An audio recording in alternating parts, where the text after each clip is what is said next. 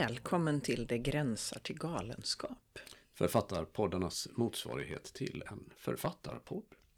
Jag heter Martin Engberg. Jag heter Jessica Schiefauer. Jag heter Elin Bordy. Och jag heter Mattias Hagberg. Och jag undrar, vad är det med författare egentligen? Finns det någon annan konstform där utövarna är så besatta av sitt eget utövande? Jag menar, lyssna bara på den här inledningen till Sven Delblancs roman Trampa vatten från 1972. Jag har kört fast i en roman. Än en gång skriver jag en bok för att tala om för den ointresserade allmänheten att jag har kört fast i en roman. Eller mer precis, när detta skrivs sitter jag fast i en roman. Om och när detta läses är romanen möjligen färdig. Min ingivelse är lite oberäknelig. Förra gången jag gav ut några lika, liknande dagboksblad, dagboksblad kom jag på att kalla eländet för roman. Och som den aktuella estetiken då såg ut blev det ett herrans ståhej. Och jag kröntes med utmärkelser som fick hela huset att lukta lagerblad oj, som oj, oj. vid ett större kalopskok. Ja. Om jag nu kallar detta för heroid eller epos eller satir kanske jag prickar in en ny femetta. Vem vet? Det fanns en tid då man kunde ge ut en restupplag av Stockholms telefonkatalog som roman utan att kritiken reagerade med annat än högaktning. Men så lätt kommer man väl inte undan idag. Och så här fortsätter det. Det var ju helt underbart. Trampa vatten från 1972. Alltså en författare som skriver om att han, jag har en känsla av att det kanske ofta är män, har problem med att skriva en roman. Vilket också är romanen som man läser. Snacka om rundgång mm -hmm. alltså. Meta, meta, meta, meta, meta, meta. Och jag undrar, eller tänker så här, på andra konstformer? Är det inte så? Alltså jag kan inte komma på så väldigt många filmskapare eller målare som håller på och gör filmer om att filmaren ska göra en film som är filmen man just tittar på. Eller målaren som målar tavlan som föreställer målningen man just tittar på. Eller någonting i den stilen. Jag vet inte, det trasslar ihop sig. Men i litteraturen händer detta om och om igen. Eh, och ovanpå detta stilgrepp har vi ju den där fiktive författaren. Alltså i Sven Delblancs fall så är det ju faktiskt han själv i någon mån. Men sen har vi ju också författare som hittar på författare mm. som har problem att skriva romaner som är romanen som man just skriver. Text som pekar på text i en närmast evig rundgång. Nu låter det kanske lite grann som jag raljerar över det här fenomenet. Eh, men så är det absolut inte. Snarare tvärtom, jag har själv tagit mig den här typen av friheter många, många gånger och jag är väldigt, väldigt svag för detta stilgrepp. Jag tänker att vi kan återkomma till det. Men först så skulle jag gärna vilja höra vad ni tänker om Sven Delblancs, Sven Delblancs tilltag här i Trampa vatten. Alltså den här återkommande på något sätt eh, greppet ändå att skriva en roman eller en skönlitterär text som handlar om att man faktiskt just sitter och skriver texten. Mm. Ja, den där var ju så himla tydlig på det sättet också. Eh, den, eh, men det var ju väldigt roligt också. Så att på ett sätt så det låter det som att författaren ändå har ett projekt där han eh, försöker ta ett steg tillbaka från sig själv. Man får väl hoppas att lite av det där ändå var ironi, men jag vet inte. Jag känner inte honom. Självdistans. lite självdistans kanske att det var. Uh, ja, Men det jag. fanns något annat i det också som jag, som jag tyckte var fint. Uh, det här med att när jag tidigare har gett ut uh, någon sorts dagboksblad kallar han väl, ungefär mm. som att han, han sitter och skriver och sen så blir det något verk av det och sen ges det ut och så får det heta roman kanske. Och en gång så blev jag hyllad så att hela huset luktade lagerblad som vid ett större kalopskok. Underbart. Eh, och, och, nu så gör jag det igen och nu kanske det blir jättebra eller så blir det inte det. Alltså lite en känsla av att han, han sitter och skriver. Det är vad han gör. Mm. Och sen så blir det en samling som på något vis kan på ett eller annat sätt betraktas som en enhet. Och så ges det ut och han har ingen aning om när det blir bra eller dåligt. Det är liksom inte upp till honom på något vis. Eller det är branschen och marknaden som bestämmer det. Det känns som att det är så här. Eh, jag gör detta och ibland gör jag tydligen rätt, men jag vet inte riktigt vad rätt är. Så tänkte jag. Men det här kan ju vara en strategi då för att komma vidare, att man funderar på vad är det man gör. Mm. Jag tänker på att um, um, Anneli Jordahl som nu är nominerad till Augustpriset med en roman som heter kanske Sju systrar? Frågetecken. Nej, den Någonting heter med något. döttrar. Sju bröder. Nej, ja, det är ju Nej, Björnjägarens döttrar kanske. Någonting sånt den. heter den. Eh, hon, boken innan så var ju en bok som hon skrev om skrivandet då, mer, mer om hantverket. Eh, och den kom ju till för att hon hade kört fast i sitt skönlitterära skrivande och blev uppmanad av sin eh, förläggare att ja, men kan du inte prova att skriva om, om skrivandet. Och så tycks det ju det ha då också i förlängningen ha fungerat på något sätt. Att hon har använt sig av det för att göra en om- orientering. Ehm, men jag sitter och tänker på en annan Men, men vad är det som gör att man också ger ut de här reflektionerna? Eller, eller på något Sven sätt Blanc gör var ju det en till väldigt en... känd författare. Det är ju inte till en- säkert att, att, att, eh, Martin Engberg hade fått ge ut en sån här bok. En Alltså, jag mindre- vet inte. En mindre känd författare. Eh, Men det finns det, finns det ett, ehm, ett inslag av att safea på det här sättet? På något sätt så friskriver sig Sven del Blanc från allting genom att ta till det här greppet. Alltså, Mm. jag tar inte ansvar för den här texten. För den är inte det jag egentligen skulle göra. Och så kan han på något sätt alltid hålla en liten distans till sitt eget skapande. Men här. i så fall, om, om man ska kalla det en friskrivning så tycker jag den görs med stor ärlighet. Just i det, i det lilla citatet där. Alltså, det känns inte som ett sätt att, att säga du kan inte kritisera det här för att vem kan säga vad som är en roman. Ja, och- Utan det känns mera som en så här känns det just nu när jag håller på med detta. Fan vet jag, jag fortsätter. Ja, för det skulle ju verkligen kunna gå att se det från det hållet. Att, att det snarare handlar om att eh, visa upp sitt sår. Liksom. Ja, men Ja, så, här, precis. så här illa är det liksom. Det, jag kommer ingenstans. Vad ska jag göra nu? Men hur intressant är det för läsaren? Ja, det är svårt att veta. Det kanske blir intressant om det skrivs. Om man formulerar sig Mm, drastiskt Ja, och pricksäkert ja. så blir det ju bra text eh, fastän eller eh, även om eh, eller också på grund av att det handlar om att skriva. Eh, Men har, ni någon, har ni någon tanke om va, varför det är så ofta i litteraturen och bland författare finns det här intresset att liksom dra uppmärksamheten till texten i sig och formen i sig och, och görandet i sig som man ju kanske i andra konstformer ofta försöker undvika på något sätt. Låt mig vända på den frågan. Det här var ju ändå ditt tema Mattias. Du Ja. har ju skrivit den här typen av böcker lite grann. Kan Vi du, kommer till det. Kan du, tänker kan inte du, svara på kan inte det du nu. svara på den här frågan? Varför, varför, varför vill man dra in författaren i boken och låta författaren tala från boksidan på det här sättet? Mattias? Eh, ja men alltså om man, om man säger om det inte är Sven der Blancs eh, Typ av typ av författarskap utan att man mer gör detta till en sorts lek så tycker jag eh, att eh, Umberto Eco kanske har ett svar som just handlar om det här att liksom lite friskriva sig men också tillåta leken på något sätt. I, i Rosens namn eh, som ni ju säkert har läst som ju är kanske liksom en av de mest typiska sådana här postmoderna romanerna där man leker med med att texten är, är, är någon annans text och att den är avskriven i flera omgångar och sådana saker. Det man får tillgång till i Rosens namn inleds liksom med en, en, eh, en inledning där, där författaren då som inom situationstecken är Umberto Eco berättar att han har hittat det här manuskriptet, skrivit av det och det han har hittat är ju egentligen en avskrift från en avskrift utav någon som på 1300-talet återberättar en historia 50 år senare efter att det hände. Liksom det är så väldigt långt ifrån.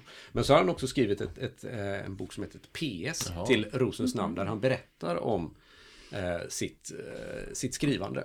Och Rosens namn var ju hans debutroman efter att han egentligen hade varit akademiker och sysslat med, med språkvetenskap och, och gamla manuskript och sådana saker själv. Eh, och så ville han, han drömde om att skriva en roman men han tyckte inte riktigt att han kunde, att han vågade.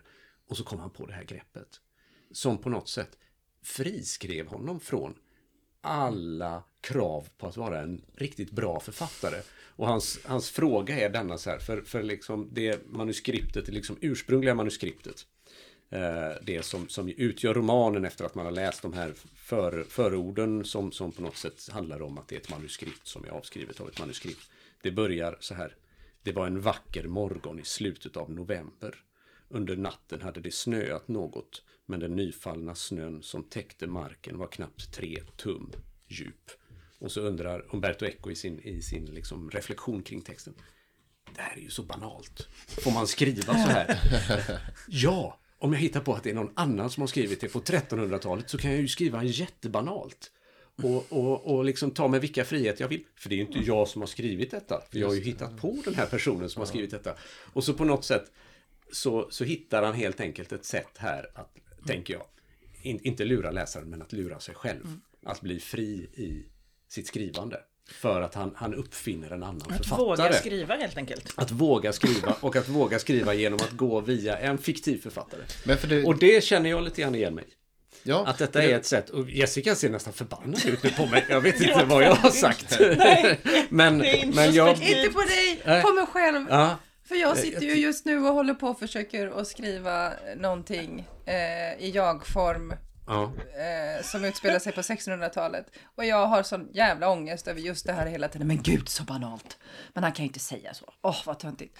Varför gjorde jag inte så? du- Varför gjorde jag inte så från början? Det är ju kört nu, det är ju för sent. Den är ju för fan tre kvarts färdig. Men, och, ja, men du kan ju lägga till, det gjorde ju han sen. Du kan lägga till ett förord. Det här har vi hittat i en, ett det manuskript i... eh, Så har jag jag gjort i min eh, senaste bok. Där, är ju liksom, eh, där hittar man alltihopa på en loppmarknad i norra Finland. I några, några kollegieblock som någon sen skriver av och ger ut. Mm, jag ska tänka på detta. Jag, jag lånar den här. Det här, det. Kan, vara, det här kan vara min Och, räddning då, faktiskt. Tack. och det kanske är så att det, det, vi författare har den här möjligheten för att det funkar inte riktigt i till exempel film.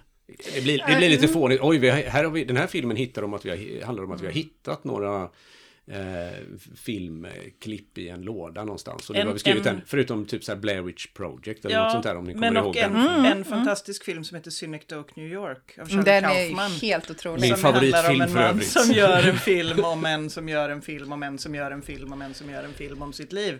Alltså, väldigt och lång film. bygget blir större och större det är det. och han måste till slut bygga en liksom hangar. Ah, han har fått ett MacArthur Fellowship Genius Nej, men den är, Scholarship. den är- kan därmed bygga en kopia av New York Ja, men för den att är göra helt en- fantastisk. Den är helt Ja, fantastisk. Men det var väl en film som lite knäckte honom också. För att sen var det lite tänka. tomt efter det.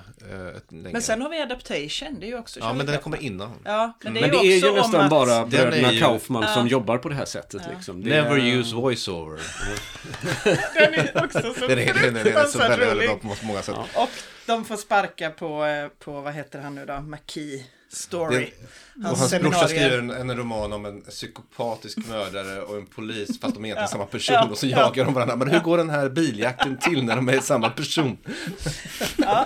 Ja, det är ett tips till alla som lyssnar. Bröderna Kaufmans eh, filmer. Fast de är Men- ju inte bröder i verkligheten dock, det finns ju bara en.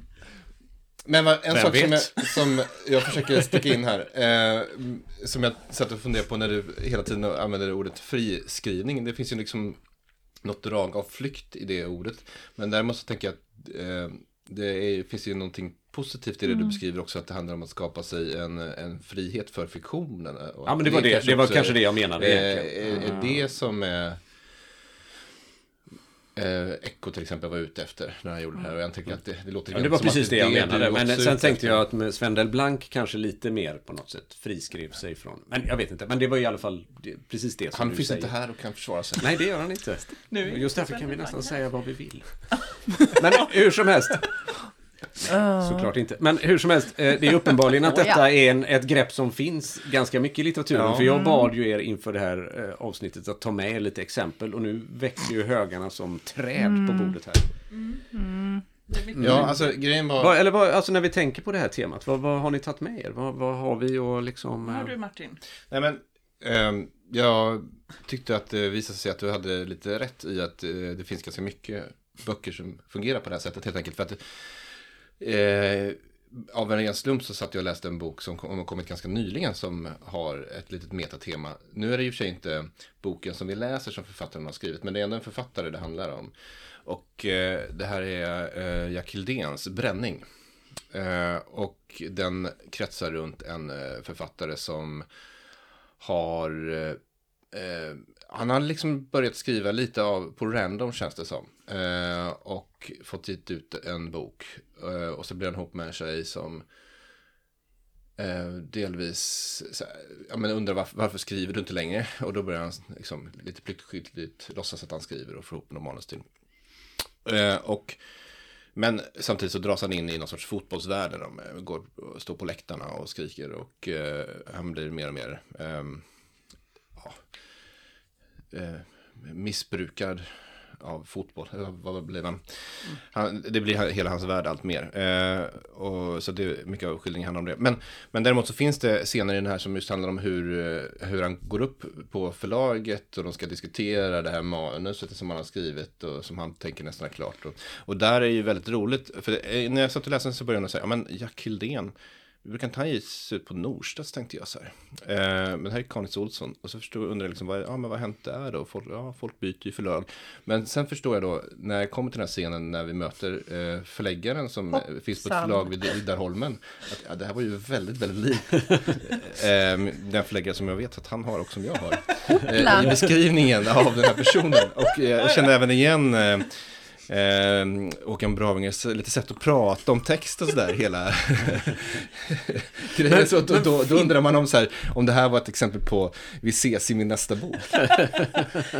Men finns, är, är det inte något väldigt intressant att den typen av böcker ändå kommer också... ut och att det gör sådana böcker som, som bara pekar in mot sin egen process? Liksom. Mm. Så, jag, jag, så kan man ju då, ja, men Jack Hildén, hans föräldrar är också båda författare och så vidare. Så det finns ju många lager av, av meta där då.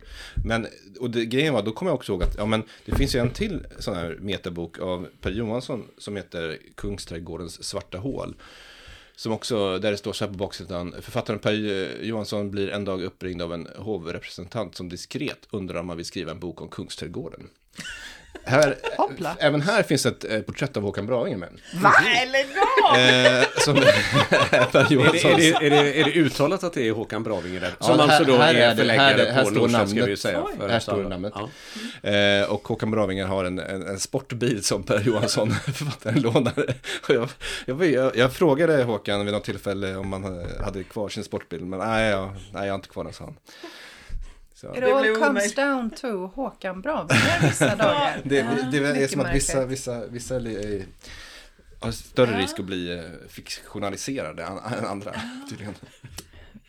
Han har väl gjort intryck. Passa er där ja, ute förläggare, annars hamnar ja. ni tydligen i någons nästa roman. Man kan aldrig veta. Det här är ju lite sanktionerat för den är ju ändå utgiven då på Norstedts.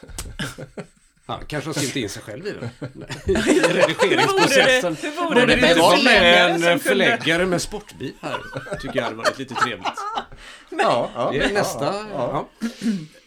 Jessica då, din hög. Vad, vad plockar du ur den? Ja, men jag, jag, jag tyckte att det var... Eh, först så tänkte jag, jag vet inga böcker som funkar så här. Men sen så insåg jag att det gjorde jag ju visst. Jag tycker man lite grann kan dela upp jag, jag har hittat i två kategorier. Det ena är samma modell som med eh, Umberto Eco där till exempel. Alltså att det någonstans i berättelsen före eller efter eh, framkommer att hela berättelsen är ett dokument som man på ett eller annat sätt har hittat eh, och eh, återgivit. Och då har jag faktiskt eh, eh Margaret Atwoods The Handmaid's Tale, eller Handmaid's Tale, som exempel på det. Eh, och här tycker jag att det var väldigt kul eh, lyckat grepp att lägga den informationen sist och inte först. För när man börjar läsa Handmaid's Tale, som är skriven i jag-form, som är eh, eh, det är en kvinna som berättar om sitt liv i ett väldigt märkligt samhälle i någon sorts dogmatisk eh, religiös stat där kvinnorna har en, eh, en väldigt liksom un underdånig roll och blir utnyttjade som avelskor kan man väl säga. Åtminstone de kvinnor som innan den här religiösa revolutionen kom till, om man ska kalla det, eh, har levt ett så kallat syndigt liv. De blir sen eh, satta till att vara ofta någon sorts avelskor. Eh, och så börjar man läsa den boken och då verkar det så att säga en helt vanlig roman som är skriven i jag-form. Och sen så tar romanen slut och då så kommer det ett, en text efter det där man förstår att eh, man har egentligen hela tiden varit på någon sorts historiskt seminarium. Um, och man får information om en massa saker som händer under den här konferensen. Uh, man får veta när utflykten är och vad det ska vara för mat i matsalen och så vidare. Men man får också veta att de här, det här, de här dokumenten som sedan som är The Handmaid's Tale. Det är alltså eh, uh, an item. I hesitate to use the word document. Uh, that was unearthed on the site of what was once the city of Bangor, in what, at the time prior to the inception of the Gillian regime, would have been the state of Maine. We know that this city was a prominent way station on what our author refers to as the Underground Female Road, since dubbed by some of our historical wags the Underground Frail Road. Oh, det var svår engelska, hörni. This item, alltså själva berättelsen som egentligen är romanen, uh, in its pristine state consisted of a metal footlocker eh, uh, US Army issue. This fact of itself need have no significance, as it is known that such footlockers were frequently sold as army surplus, and must therefore have been widespread. Within this footlocker, which was sealed with tape of the kind ones used on packages to be sent by post, were approximately 30 tape cassettes of the type that became obsolete sometime in the 80s or 90s with the advent of the compact disc. Så då förstår man alltså att hela den berättelse jag har läst som jag trodde var en roman är egentligen 30 stycken inspelade kassettband. Och det har utspelat sig någon gång innan CDn eh, blev en grej. Vilket gör att hela tidsperspektivet, hela världsperspektivet, allting bara huh, snurrar till liksom. Tycker du att det tillför det någonting eller förstör det någonting? Hade det legat först hade det förstört någonting. Mm. Det faktum att hon lägger det sist gör att det bara öppnar, för jag har ju ändå kvar min läsupplevelse. Mm. Um, ja, jag, jag, tycker det är lyckat. Tycker det är mycket lyckat. Och det blev väldigt konstigt när hon nu skrev en uppföljning till den här boken. Jag har inte brytt mig om de uppföljningarna just jag för att jag inte det. håller de, det här de verket för sätt, heligt. Ja, mm. fortsätt håll det för heligt. Ja, men jag kom på böcker som jag kunde tagit med mig, men då hade min bokhög varit en halv meter hög. Men det är ju mina favvosar, Jan Kärstads trilogi om Jonas oh. Wergeland. Eh, förföraren, erövraren och upptäckaren. De börjar ju faktiskt med ett sånt här utgivarens förord. Eh, om det här manuset och vi ska inte gå ut med vem som har skrivit det. Jag kommer inte ihåg om det att de inte vet vem som har skrivit det första. eh, och sen är, och så läser man den första romanen och sen i den andra romanen är det ju en annan författare i fiktionen.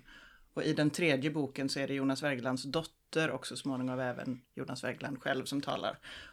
Och det tycker jag är väl, men det är ju inte samma. Va, vad inte... gör de greppen med de böckerna? Varför är det viktigt för de här berättelserna? Ja, det är ju att de har olika perspektiv på den här personen. För i bok två visar det sig att den första boken var skriven av en kvinna som har haft en relation till Jonas Wergeland.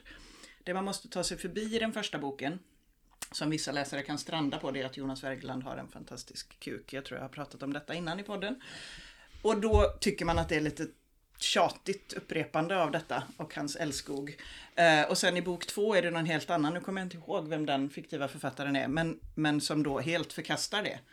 Det här förstår jag inte alls, det här perspektivet. Han har inget intresse av det här fysiska kroppsliga överhuvudtaget. eh, men den här kvinnan som skrev den första boken, hon var ju väldigt intresserad av det och upptagen av det. Så det han gör är ju att han bygger olika synvinklar på den länge ganska gåtfulla huvudpersonen då. Eller mm. gåtfull, men ja. Eh, så det är, ju, det är ju det det tillför då, att det är olika personer som yttrar sig. Och någon sorts postmodernistisk gest att liksom på något sätt osäkra ja, ja, romanbygget och visa att allting är, är många. Och inte Allt är många, ja. det kan man verkligen säga. Uh, ja. Mm. Men du har ju Kerstin Ekmans där också. Jag har grand final i skojarbranschen. Den, den har Jessica också. har jag också. Den har inte jag för jag glömde bort att jag tänkte på den. och jag har inte ens läst den vilket är ett väldigt, det, inte ett dåligt det, samvete utan... Det är eh, dåligt av dig. Ja, du har något trevligt framför dig skulle ja. jag säga. Ja, absolut. Men där, där är ju väldigt mycket att det eh, hur är det? det huvudpersonen... Eh, det är ju två, två huvudpersoner. huvudpersoner. Ja. Det är den välkända författaren Lillemor Troy Just det. Som, som ju så småningom blir invald i Svenska Akademin. Och sen är det ju en annan som heter typ Babba. Som är den som egentligen skriver Lillemor Troys romaner. Men som är en, en till det yttre icke tilltalande och socialt icke gångbar person. Men som skriver fantastiskt. Ja.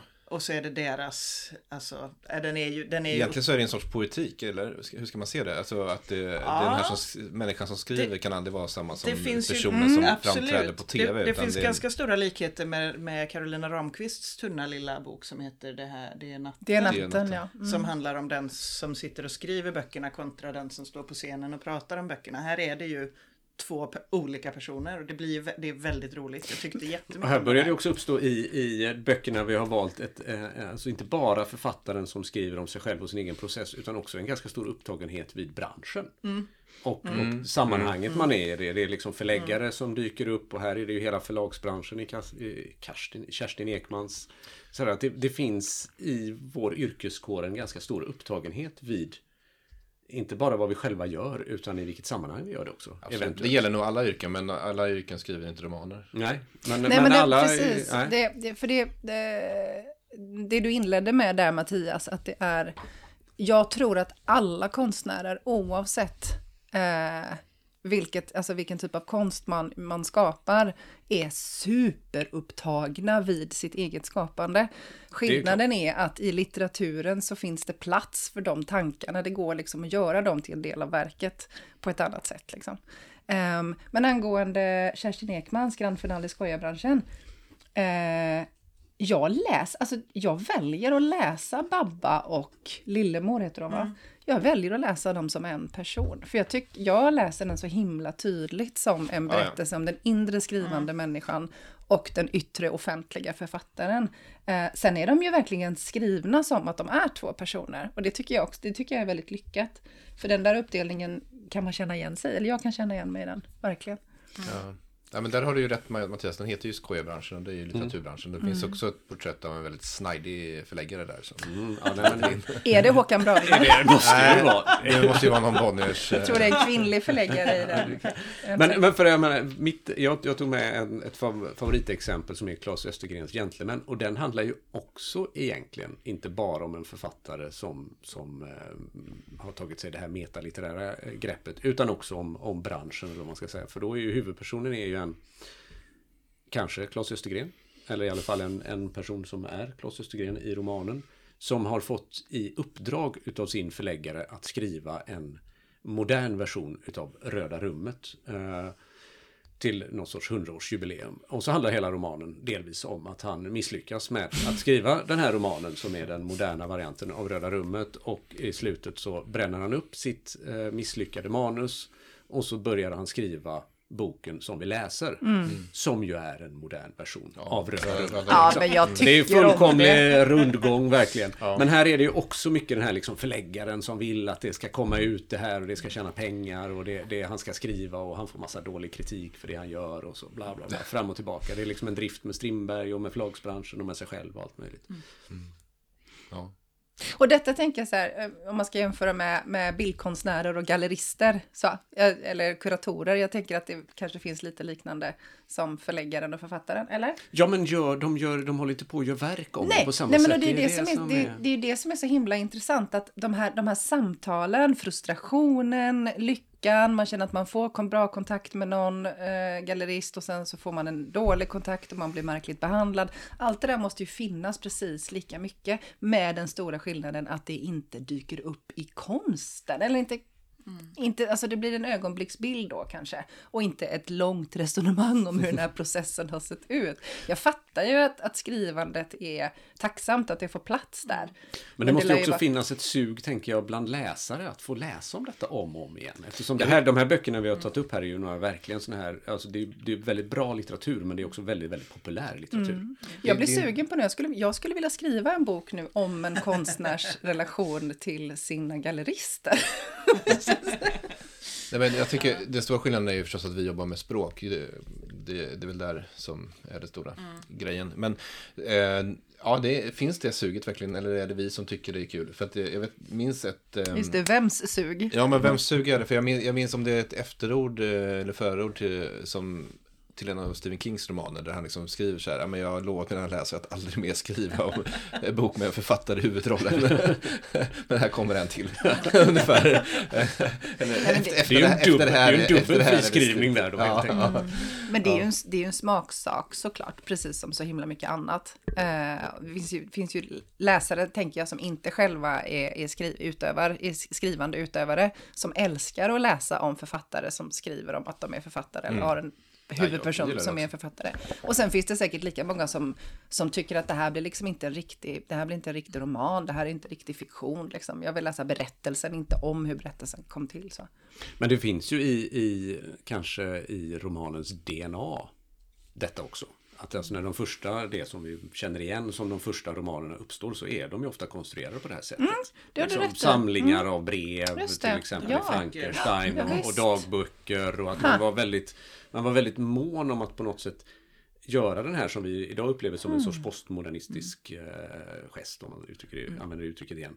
För att på något sätt peka på det här är verkligt, det här är riktigt, det här är någonting vi har hittat liksom. Ja, det är ju det, det, ett grundläggande grepp. Robinson Crusoe börjar Ja. ju så också för att det ska framstå som att det här har verkligen hänt. För annars skulle läsarna inte acceptera det. De vill inte läsa om ett hittepå utan de vill läsa om någonting som har verkligen hänt. Och då, då, Jag har tre sådana här, till. får jag ta dem när du ändå Jag måste bara säga, jag har alltså alltid haft den här jävla blacken om foten. vad? Based on a true story. Ja. Skimret. Skriven Ja, av mig själv. Nu blev jag ledsen. Jo, men jag tog med mig tre Och det här böcker som alla jobbar med det här greppet. Ja, din nämligen, eh, nämligen eh, Skattkammarön Ja. eh, av Stevenson, Björn Larssons Long John Silver och Elin Bordys roman Mary Jones historia. Ska man se det som en sorts utvecklingsberättelse? av mig själv och alldeles Utvecklingsbåge. uppriktig om mitt liv samt om Dolores och John Silver så som jag fått det berättat för mig av dem själva.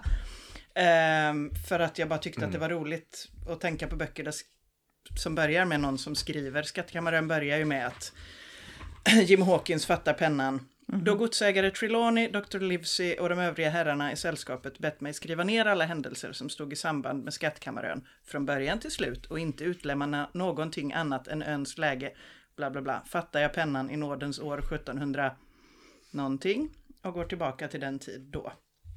Och sen gör ju Björn Larsson samma sak fast det är Long John Silver själv.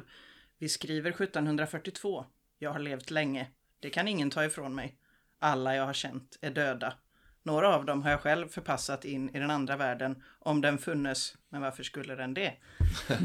Och sen så knaprar jag in på samma här men jag tar livet sen- av honom i samma. I Och sen väntar rad. man ju på den fjärde här då när du skriver en roman om hur, när du skrev, skrev din roman roman. om efter att ha kommer- läst Björn Larssons inte- bok. Ja, precis. Som, ja. Här är liksom inte, det handlar inte om en författare men det handlar om att det vi läser nedtecknas av den som Ja, men det, det finns också en logik i det där för att det ger ett svar på en grundläggande fråga som varje berättelse på något vis behöver svara på. Det ja, men vem berättar Mm. det här och för vem? Liksom. Det är ju ett bra sätt att lösa den delen av kontraktet mellan författaren och, eller boken och läsaren. Liksom.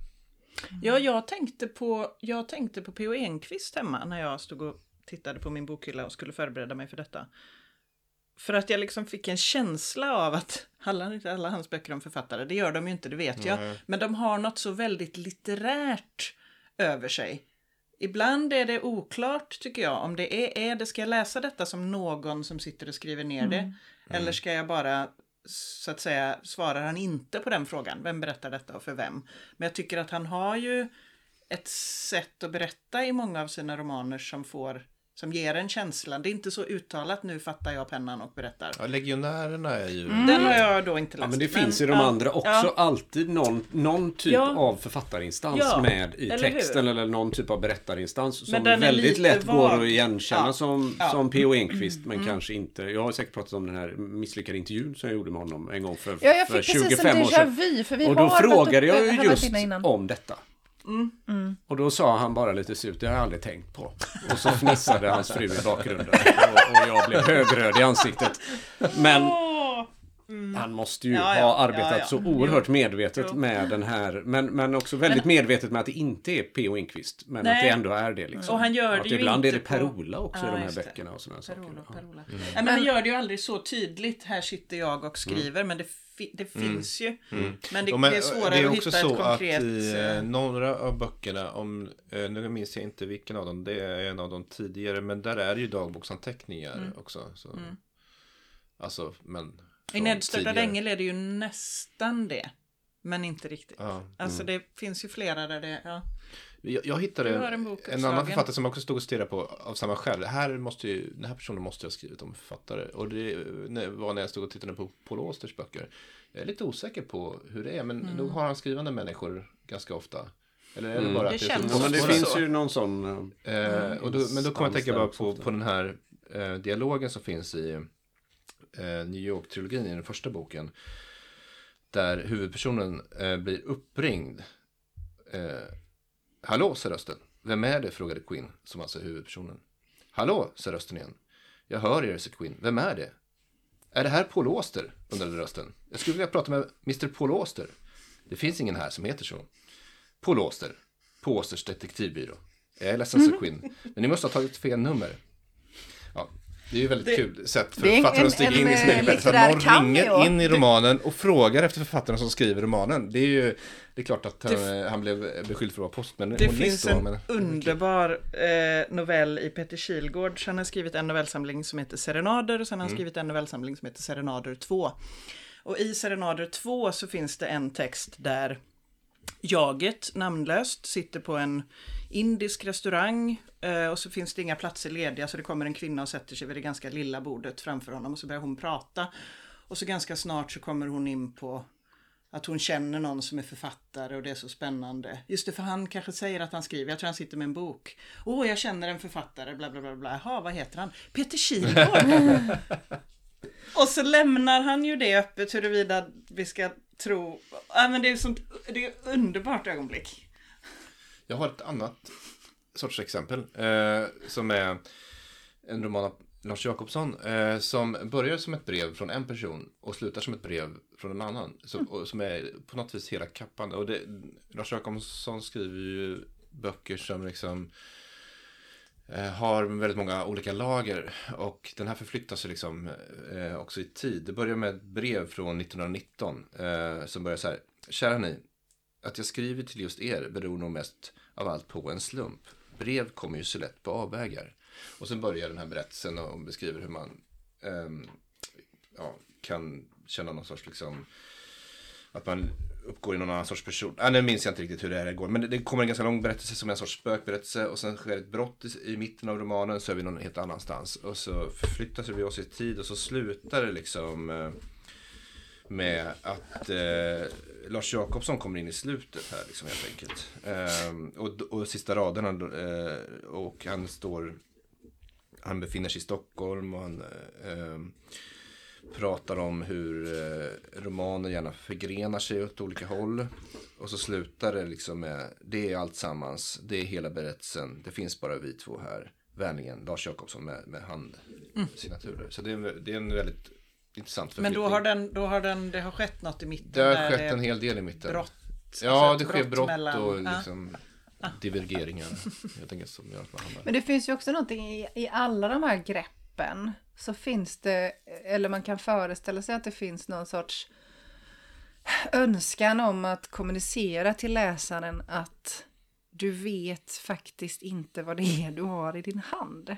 Alltså det är som att man, att romanberättelsen har fått någon sorts klassisk form numera. Nu bara spånar jag så fritt vad det här kan gå så dåligt. Men jag fortsätter i alla fall.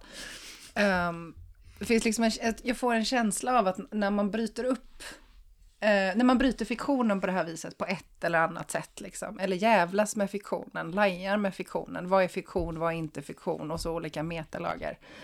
Att det är liksom lite grann en önskan om att överraska, att det är en så här, jag kan göra vad som helst, kära läsare. Tro inte att du sitter säkert, liksom. Um, och det tror jag också att läsare har väldigt, är väldigt olika mottagliga för. Jag, jag kan älska sådana böcker. Uh, det beror också på vad man är sugen på. Ibland, är jag, ibland vill inte jag få min fiktion bruten. Jag vill läsa ett äventyr. Alltså jag vill läsa mm en obruten fiktion som är spännande och jag ska vara helt inne i den och jag ska inte tänka på att jag sitter och läser. Eh, och sen om det då kommer in ett sånt element kan jag bli jätteirriterad. Men är jag sugen på det och beredd på det så kan jag åka ut på hisnande intellektuella äventyr genom, att, genom hur berättelsen är byggd då. Eh, fundera över det här med form och vad är en berättelse, vad är sant och vad är falskt och sådär. Men är det inte inom film eller bara inom film tänker jag mig som man kallar det för the fourth wall. Jo, Alltså bryta när- den fjärde väggen Ja, eller inte. när personerna vänder sig rakt in i kameran och pratar. Och i säger. Det här är, ja, i teater också kanske. Ja. Ja.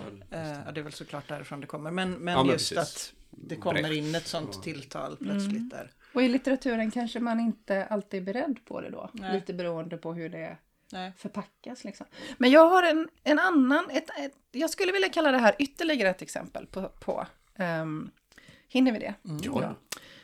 Ehm, för jag hittade tre böcker som jag tycker otroligt mycket om, som har detta gemensamt tycker jag. Och det är Beate Grimsruds En dåre fri, det är Sara Gårdans Natten och det är Merete Lindströms Ur vinterarkivet. Och alla de tre tycker jag har gemensamt att akten att sitta och skriva det som skrivs, det uttalas eh, ganska tidigt. Eh, på grund av att det av en eller annan anledning är en livsnödvändighet att skriva texten på grund av andra skäl. Liksom. Eh, och jag tänkte att jag skulle ta ett kort exempel ur dem allihopa. Eh, I En dåre fri så nu heter huvudpersonen visserligen Eli, så det är ju inte Beate som skriver. Eh, Så det finns en fiktiv huvudperson. Men den berättar så här om sig själv. Jag är 39 år, har varit in och ut på psykiatriska kliniker de senaste 20 åren. Nästan lika länge har jag livnärt mig som författare, dramatiker och filmare. Författeriet är inget yrke, det är ett liv. Jag skrev igår, jag skriver idag och kommer göra det imorgon. Vandra i orden, känna och njuta av meningar och sammanhang, hämta det i mig själv och lämna det ifrån mig, lämna men behålla det. En gåva att växa tillsammans med, att hålla mig fast i när jag är sjuk, att hålla mig fast i när jag är frisk. Och där anläggs ju på första sidan. Detta är en text som jag skriver just nu, som du läser. Och i Sara Gårdans Natten så finns det på sidan 8, om igen skriver jag denna text, om igen drömmer jag denna dröm. Det är ingen dröm, det är ett minne, ett i en rad av minnen och hur mycket jag än försöker begriper jag inte hur vi hamnade här. Och där sitter man ju på något vis tillsammans med författaren när texten blir till. Och sen en bok som jag tror är ganska okänd, som jag inte minns hur jag kom över och det är den här Merete Lindströms Ur vinterarkivet. Det är en av de absolut starkaste böcker jag har läst i hela mitt liv. Och det är en författare som skriver om ett liv med en man som inte vill leva. Den är väldigt, väldigt stark, väldigt, väldigt drabbande och ganska mörk. Och på sidan 9 så skriver hon så här. Vi har flyttat hit ut på landet. Jag borde skriva, skriva hundarna och landskapet och det jag ser. Skriva mig ut ur tyngden, men hela tiden stannar jag upp och känner det, att det inte stämmer, att även om det är sant får jag det inte att stämma. Som ett logiskt stycke kan vara sant men ändå inte rymmer något särskilt sammanhang eller känns riktigt genom språket. Så stryker man ut och börjar på nytt, om och om igen. Det enda som känns riktigt just nu är stigarna, åsen, de rätta vägarna, känslan av ensamhet. För ensamheten finns i landskapet, som det hus nere på fältet där ingen har bott på många år. Där det sägs att någon bodde, men man har glömt vem. Och boken fortsätter liksom i samma stil med ögonblicksbilder och ständigt återkommande reflektioner av vad det är att leva den här typen av liv och att försöka gestalta det i text. Liksom. Eh, och det här är en, en form som jag är väldigt, väldigt svag för. Kanske för att jag tycker inte så mycket om autofiktion som vi pratade om. Eh, och sen är ju detta autofiktion, men det utger sig så att säga inte för att vara det, utan det, är liksom, det finns någon sorts självklarhet i det. Sitter någon och berättar en historia som är förbannat viktig att få ur sig. Eh, och akten att skriva kommer in i det. Eh, och då är jag där, liksom. Mm. Mm. Ja, för jag satt också och funderade på det här med, borde vi prata om autofiktion eller inte? Alltså är det två olika saker vi pratar Det är om? nog ett annat. För Ja, att- jag tror att det är För att, för att det känns Ja. som att det finns två val där. Ja, att, vara en- att man antingen använder den här liksom eh, metanivån till att liksom skapa ett större utrymme för fiktionen där man kan liksom släppa loss berättelsen. Jag sitter här och tittar på en bok i bokhyllan som heter Juloratoriet av Göran Tunström som också faktiskt börjar med att en författare skriver liksom, i jag-form. Men som Mhm, är inte jag en fiktiv berättelse i många eh, från många tider och sådär. Men eh, det kan också vara att författaren stannar kvar lite grann. Sven de Blanc är nästan autofiktion kanske. Mm. Eller? Och borrar ner i sig själv och... Innan Ja. begreppet så att säga var myntat. Ja, Alltså 70 Ja, ja, nej, det- är nej, det- detta det kommer autofiktion egentligen alltså? Det är ett, okej, det är kanske är en annan fråga. Men du eh, plockade upp... Eh, Nej, jag bara tänkte en- Marcel en- Proust, vi kan Mas- inte ha ett Nej, vi, må, vi måste ju eh, ha med honom här nu också. Men han är det, det här är ju kanske autofiktion i och för sig, skulle man ju kunna Ja, säga. nej, det är väl ändå... Men, Men det, det är ju i alla fall en person som tar till det här greppet i, i eh, kubik kan man säga. Genom att skriva 4000 sidor och sen avsluta med att nu ska jag börja skriva Ja. min roman.